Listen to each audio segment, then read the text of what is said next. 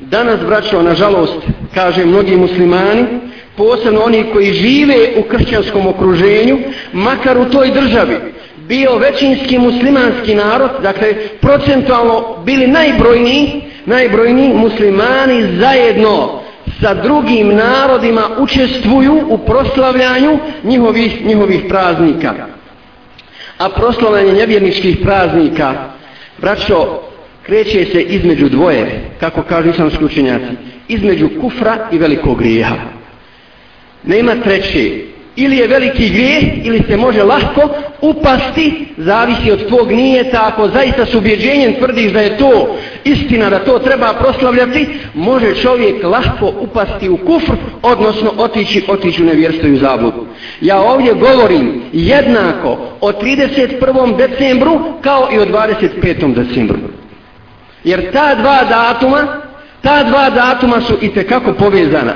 25. decembar kršćani slave kao rođenje Isa alaihissalama. Odnosno, oni ga zovu Božić. Zašto? Zato što je po njima Isa alaihissalam Bog neuzubila. I to je dan kada se po njima rodio Bog. Zatim, ali osim toga, dakle, taj dan je, taj dan je vezan i kako za paganske običaje. Kako?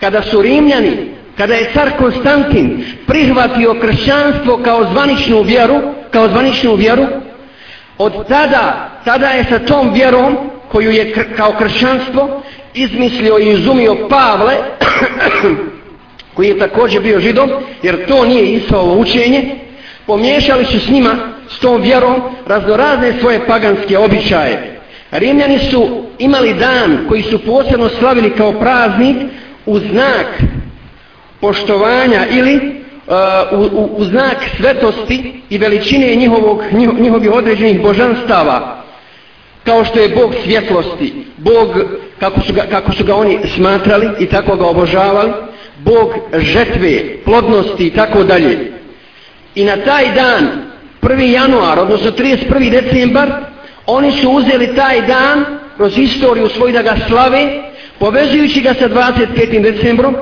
kao, kao kršćanski praznik pomiješan s tim paganizmom zato vidimo ako to nije povezano sa akidom zašto onda onaj nesveti Nikola koji je i tekako povezan s tim zašto je on simbol simbol ovih dana darežljivosti, e, dobročinstva, darova, poklona koje on, koje on obilato, obilato dijeli i nosi, nosi po muslimanskim institucijama, školama, e, obdaništima i tako, i tako dalje. Dijeli paketiće i vidite, ka, vidjeli ste kako se muslimanska djeca u novom travniku raduju i kako jedan, jedna muslimanka kao intelektualac otvoreno govori radujući se tome i kaže na televiziji svaki dan djet, po jedno djete zakasni ili ne dođe u školu. Ali je interesantno da dan kada je došao sveti Nikola niko nije izostao. Svi su došli da primijete darove.